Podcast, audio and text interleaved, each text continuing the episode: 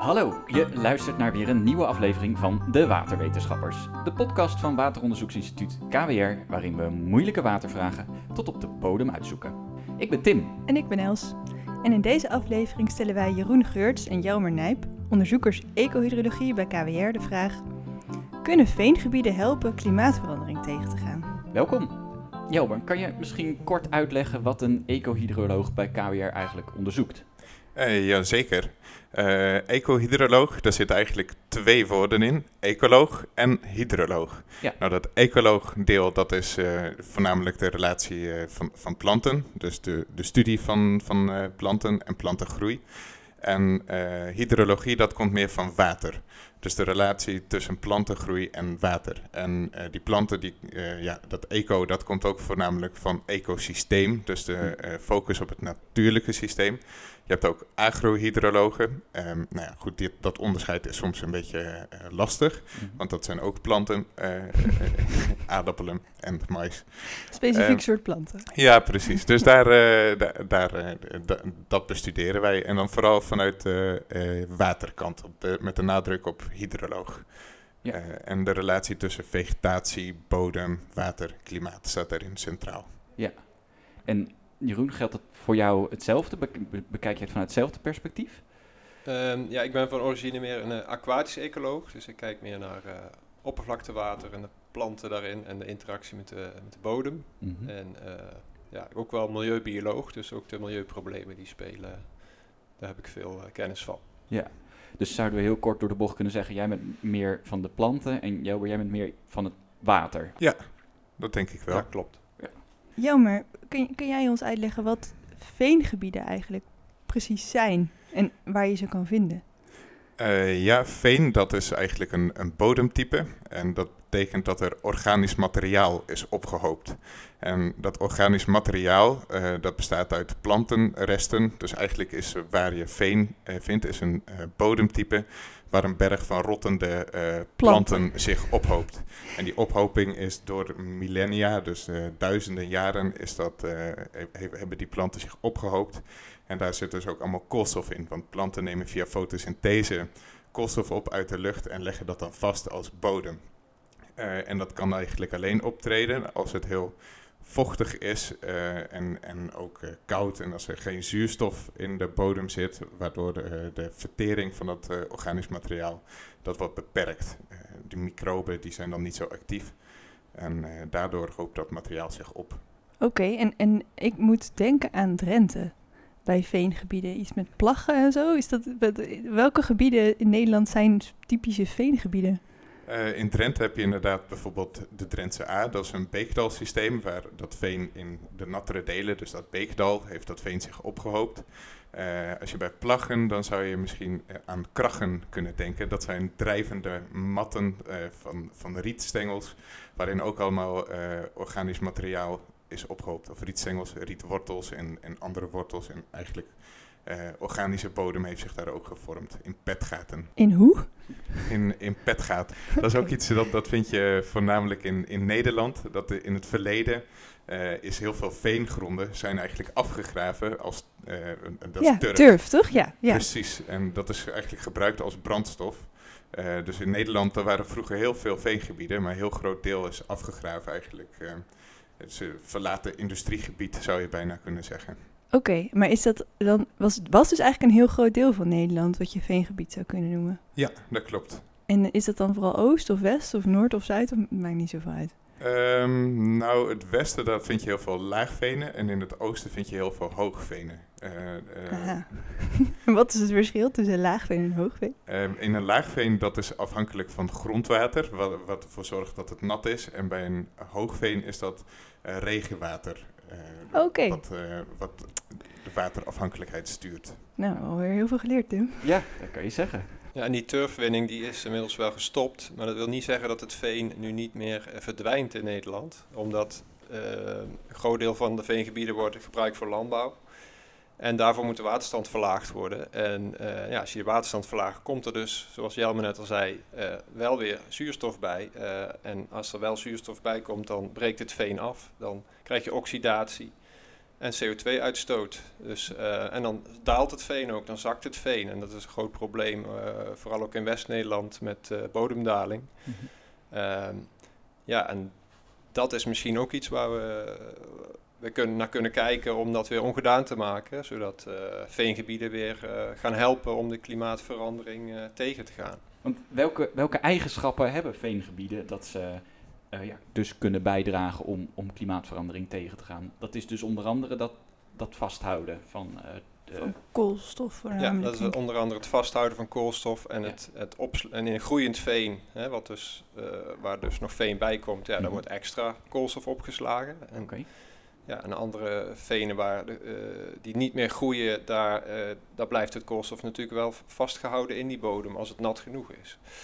Dus eh, ja, dat, dat is belangrijk. Maar ja, ze hebben ook een eh, regulerende functie. Eh, hè, ze hebben eh, qua, qua waterzuivering en eh, eh, overstromingsrisico's kunnen ze een bufferende werking hebben. En ook qua biodiversiteit zijn ze, zijn ze heel belangrijk. Dus ze leveren gewoon heel veel ecosysteemdiensten.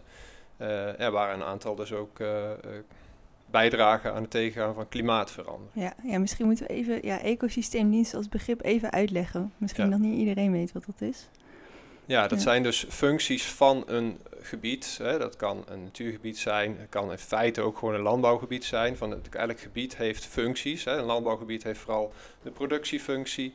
Maar ook daar zie je nog natuurlijk eh, een beetje diver- biodiversiteit. Ehm, zeker bij hè, natuur-inclusieve landbouw. Ehm, en natuurgebieden hebben eh, meer ecosysteemdiensten. Dus dat zijn functies ehm, die eh, bijdragen aan een... eh, ja, een schonere lucht, schoner water, eh, Ja. behoud van, van de bodem, gezondere bodem. Dus Ja, precies. Het zijn niet per se diensten die worden geleverd aan, aan mensen of zo, hè, maar, maar ook veel breder dan dat. Want bij diensten denk ik dat heel veel mensen vooral denken aan dingen die je doet voor andere mensen of zo, maar dat is niet zo. Het gaat dus ook juist over biodiversiteit of, eh, nou ja, het tegengaan van klimaatverandering. ja, en eh, uiteindelijk dus eh, wel een dienst geleverd aan de hele wereld, omdat ja. ja, dat ook de, een gezonde leefomgeving natuurlijk eh, oplevert. Ja, en eh Jammer, kun jij dan iets vertellen over hoe je dat dan onderzoekt? Die, die ecosysteemdiensten en die, het tegengaan van klimaatverandering, hoe die veengebieden dat doen? Ja, dus het functioneren van veengebieden kan je op verschillende manieren doen. Eh, in de eerste instantie kan je eh, ter plekke dus echt veengebieden ingaan eh, en daar metingen doen van bijvoorbeeld grondwaterstanden of bodemchemische metingen, klimaatvariabelen en zo kan je kijken hoe zo'n systeem functioneert. Ehm, maar dan kan je vaak minder goed zelf controleren wat er gebeurt. Dus dan vaak worden dan ook eh laboratoriumexperimenten uitgevoerd. Eh, of eh, buiten worden ook wel eens mesocosm-experimenten uitgevoerd. Maar daar kan Jeroen jullie misschien wat meer over vertellen. Ja, oké. Meso, meso, Oké, sorry. Dat eh, moet je uitleggen, inderdaad. Ja, dat is een term we- waar veel mensen over vallen. Ja. Alleen Eh, om het uit te We spreken. hebben Ja. sinds, eh, sinds dit jaar ook een mesocosm-experiment in de tuin eh, bij KWR liggen. eh, Mhm. Op dit gebied. En eh, met veengronden in, in, eh, in vijverbakken. Dus je, ja, vaak noem ik het ook vijverbakken of buitenbakken. Eh mesocosm is meer de wetenschappelijke term daarvoor. En dat betekent dat je dus kleine ecosysteempjes nabootst en die dan, ja, eh, in dit geval 30 eh, naast elkaar legt, waarin je dan verschillende dingen gaat variëren. Hè. In dit geval ehm, doen we dus onderzoek naar de teelt van natte gewassen in veengebieden. Hè, dat is een ehm, manier om de veengebieden die dus drooggelegd zijn in Nederland voor de landbouw nat te maken weer. Zodat het veen beschermd wordt, CO2-uitstoot tegengegaan wordt en bodemdaling tegengegaan wordt. Maar tegelijkertijd de productiefunctie behouden blijft. Ah, Omdat je Ja. natuurlijk niet van al die veengebieden na- natte natuurgebieden kan maken. Je wil ze toch productief houden, kun je dus andere gewassen telen. En nou, dat is natuurlijk iets nieuws voor de meeste boeren. Dus vandaar dat we dat eh, al, al, al een aantal jaar onderzoeken. En hier eh, in de mesocosms bij KWR, in die bakken, eh, hebben we drie verschillende gewassen.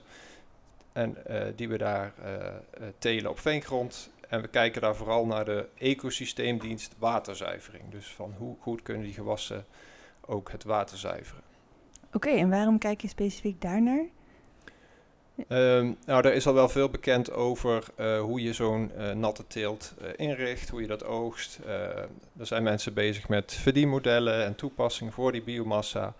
Ehm, maar het lijkt ons heel goed als er naast de inkomsten uit die, van die biomassa, hè, wat je ermee kan doen, dat een boer ook geld gaat verdienen met de ecosysteemdiensten die zo'n nat veengebied levert. Maar dan moeten we natuurlijk wel onderzoeken van ja, hoeveel levert dan zo'n nat, uh, zo'n natte teelt, zo'n paludicultuur, zoals het ook wel genoemd wordt. Um, ja, hoeveel waterzuivering levert dat nu? En um, als we dat weten, dan kunnen we ook zeggen, nou ja, daar kan een vergoeding tegenover staan. Hè? Dat, mm, uh, dat je met een waterschap bijvoorbeeld of zo. Ja, bijvoorbeeld. Ja. Ik ben nu ook even heel benieuwd, want ik weet niet wat zo'n boer dan eerst verbouwde of zou willen verbouwen. En, en wat, gaat, wat wordt er dan nu verbouwd? Zeg maar wat is het verschil? Gaan we dat ook nog eten of, of, of zijn dat andere soort toepassingen? Ja, de meeste uh, veengebieden, daar uh, heb je nu gras. Dat is de zogenaamde veenweide, waar koeien lopen. Ja, okay. Nou ja, en wat dus voor de, voor de melkindustrie belangrijk is, voor de zuivelindustrie. Uh, die zouden dus over moeten gaan op iets heel anders. Uh, er zijn wel een aantal voedselgewassen te noemen. Uh, zoals bijvoorbeeld cranberry, uh, wordt wel eens genoemd. Ook al groeit hij niet heel nat. Ehm, maar het gaat vooral om vezelgewassen die we, die we onderzoeken, zoals lisdodden en riet. en waar je bouwmaterialen van kan maken, isolatiematerialen. Ehm, en dat zou betekenen dat je ja, juist uh, plekken waar misschien nu op droge zandgronden uh, vezelgewassen geteeld worden, dat je daar meer voedselgewassen moet verbouwen. Dus het is echt, echt een, wel een grote verandering voor boeren dan ook, hè? Ja, precies. Ja. En dat gaat dus klimaatverandering tegen, omdat je dan niet meer die bodemdaling hebt. Uh, als je op deze manier er natte teelt van zou maken.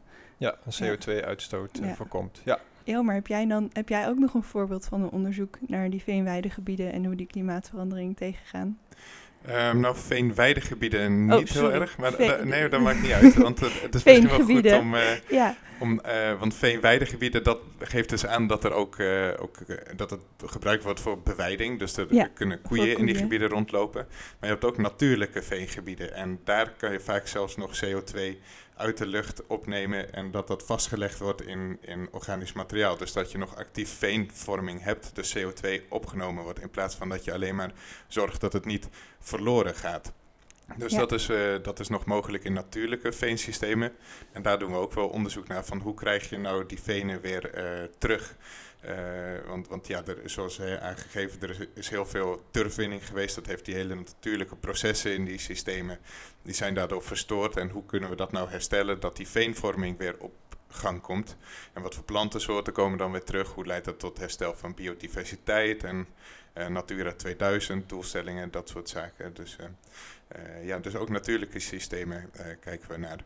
Ja, Um, nog even terugkomen, want dat, ik was nog even vergeten te noemen. Want naast uh, laboratoriumexperimenten en veldexperimenten hebben we ook veel, werken we veel met modellen om te kijken wat er, hoe de natuur reageert op, op klimaatverandering of verandering in waterbeheer bijvoorbeeld. dus ja. dat is een andere manier waarop ecohydrologen te werk gaan. Snap ik. En, en doe je dan soms dat je eerst iets met een model doet en daarna in de praktijk? Of, of is dat een soort van, staat het echt naast elkaar? Um, vaak is dat ook echt een combinatie. Of idealiter uh, wil je dat je model, dat, uh, en dan ga je simulaties doen, wil je uh, checken of dat een beetje overeenkomt met hoe het in de werkelijkheid functioneert uiteraard. Anders kan je ook geen toekomstvoorspellingen daarmee gaan doen bijvoorbeeld. Ja. ja, en als ik het goed heb begrepen is een van die ja, modelsoftware is de, is de waterwijzer natuur. Kan je daar iets meer over vertellen? Wat, wat kan je daarmee en wat berekent dat? Uh, ja, het heeft een hele lange historie en er zijn allemaal uh, uh, kennis is daar ondergebracht in dat model. en het doel daarvan is om te kijken hoe klimaatverandering en verandering in waterbeheer, hoe dat doorwerkt op natuur. Um, je kan daarmee dus voorspellen, stel dat het klimaat verandert, zijn dan bepaalde natuurdoelen nog haalbaar of komen daardoor juist potenties voor natuur op andere gebieden te liggen? Hoe kan ik mijn gebied zo inrichten dat natuur, dat de biodiversiteit hersteld wordt in een gebied? Um, en dat het doel daarvan is dat het gebruiksvriendelijk is en um, ja, dat de nieuwe kennis steeds ingebouwd wordt. Dus het blijft ook in ontwikkeling. We hebben recent ook nog stikstofdepositie toegevoegd, uh, bijvoorbeeld. Uh, maar ja, die module die, wordt ook verder nog getest en, en doorontwikkeld. Ja, dus je, je, je vult eigenlijk allerlei cijfers of voorwaarden in en dan krijg je een voorspelling eruit. Dat is heel kort door de bocht wat die tool doet. Ja, ja, klopt. En wie gebruikt dat dan? Kan ik hem ook gebruiken? Of heb je wel echt expertise nodig om het te kunnen doen? Um, nou, ik denk dat je zeker op de, de knoppen kan drukken, want uh, hij is gebruiksvriendelijk. Um, maar dan vervolgens komt er nog wel een interpretatieslag bij van wat zie ik nou eigenlijk? Ja, dus er komen een ruimtelijk beeld uh, komt eruit met allemaal kaarten erachter. En ja, om die te kunnen duiden moet je natuurlijk wel weten hoe dat model precies werkt. En uh, ja, dan eh, dat, dat gaat op zekere hoogte gaat dat wel lukken, maar uh, vaak is daar toch ook wel echt ecohydrologische kennis voor nodig om dat uh, goed te kunnen duiden. Hmm, en voor wie hebben jullie hem dan gemaakt, die waterwijze natuur? Ja, voor overheid, dus provincies, die, die kunnen daarmee aan de slag. Het wordt ook wel gebruikt in landelijke analyses, bijvoorbeeld Delta-programma Zoetwater is er toegepast. ja, natuurbeheerders, die zijn vaak geïnteresseerd in van, stel dat we onze natuur willen herstellen, welke beheer beheersmaatregelen moeten we dan nemen? Waar moeten pijlen opgezet worden? Dus daar worden dan weer grondwatermodellen voor gebruikt. En die dienen dan weer als invoer voor de waterwijze natuur. Um, maar er zijn verschillende gebruikersinstanties. Uh, ja, jullie zijn echt wel uh, ja, eigenlijk veel bezig met onderzoek voor de toekomst, om maar even zo te zeggen. En stel nou dat je nou ja, gewoon eventjes in de, in, de verte, in de verte kijkt, in de toekomst kan, kan kijken. Wat voor een wat voor onderzoek zou je, zou je dan nog willen doen? Um, wat mij zelf heel erg leuk zou lijken, is, uh, is wat meer inzicht te krijgen in hoe de veegebieden nou precies doorwerken op de waterbalans. En dan ook wat ze kunnen betekenen voor de regio. Want vaak wordt van natuur gedacht dat het alleen maar water kost, maar zeker juist veengronden, uh, hoger op. Uh, de zandgronden bijvoorbeeld, die kunnen dienen als een waterreservoir en mm, um, ja. water vasthouden en dat uh, in periode van droogte weer loslaten aan de omgeving. Hm. Um, ja, daar is, zijn wel wat studies naar, uh, maar dat zou goed zijn daar wat meer aandacht aan te geven. En verder ook uh, bijvoorbeeld iets van bodemontwikkeling zit nu ook niet in dit soort modellen. terwijl dat juist ook heel belangrijk is van hoe, hoe goed een bodem water vasthoudt. Uh, bepaalt ook hoe het reageert en wat de waarde uh, van zo'n systeem is. En het wordt ook weer beïnvloed door klimaatverandering. Dus al die interacties, daar uh, ja, is er nog heel veel onderzoek ja. in mogelijk. En jij, Jeroen? Nou ja, dat sluit misschien wel een beetje aan. Ehm, die natte teelten waar ik het over had, die mhm. paludicultuur, dat, dat, dat wordt de komende jaren opgeschaald. Dus daar komen allerlei nieuwe vragen bij kijken. En ook van waar past het dan in het landschap? Hè? En dat is misschien ook een link met die waterwijze natuur.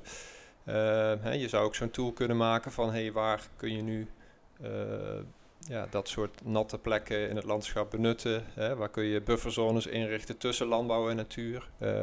Maar dat valt een beetje tussen wal en schip. Er is ook een waterwijze landbouw, is een waterwijze natuur, maar iets voor tussenin is er eigenlijk nog niet. Dus uh, dat is waar Jelmer en ik ook uh, wel eens over gedacht hebben, al om dat uh, ook te ontwikkelen. In deze aflevering stelden wij Jeroen Geurts en Jelmer Nijp de vraag: kunnen veengebieden helpen klimaatverandering tegen te gaan? Ja, we hebben ontdekt dat dat zeker kan en op verschillende manieren. Eigenlijk aan de ene kant is het meer het niet erger maken van klimaatverandering door ervoor te zorgen dat die veengronden eigenlijk behouden blijven en, en niet soort van droog komen te staan en daardoor dat er CO2-uitstoot toeneemt. En dat kun je doen dus door het waterpeil te verhogen. Maar ja, dan moet je dus gaan denken aan een andere manier van gebruik van die gronden. En uh, nou ja, daar werkt Jeroen onder meer aan met de palidicultuur. En aan de andere kant heb je dan dus juist dat je gaat kijken van... oh, kunnen ze niet echt helpen om nog meer CO2 op te nemen? Uh, nou, daar heeft Jelmer ons ook nog een voorbeeld van gegeven. Dus dat je ook gaat kijken van kunnen we die veengebieden zoals we die vroeger hadden ook wat herstellen. Zodat ze juist uh, nou, CO2 kunnen opnemen, maar ook zelfs water kunnen vasthouden. En op die manier ook een bufferende werking kunnen hebben. Dus we kunnen nog veel verwachten van de veengebieden volgens mij in de toekomst. Dankjewel voor het luisteren naar De Waterwetenschappers. Ga naar kwwater.nl slash podcast om je te abonneren via jouw favoriete podcast app. En heb je zelf ook een moeilijke watervraag? Stuur hem dan in via info.kwrwater.nl Volgende keer zijn we er weer met een moeilijke vraag en een slimme waterwetenschapper. Tot dan! Tot dan!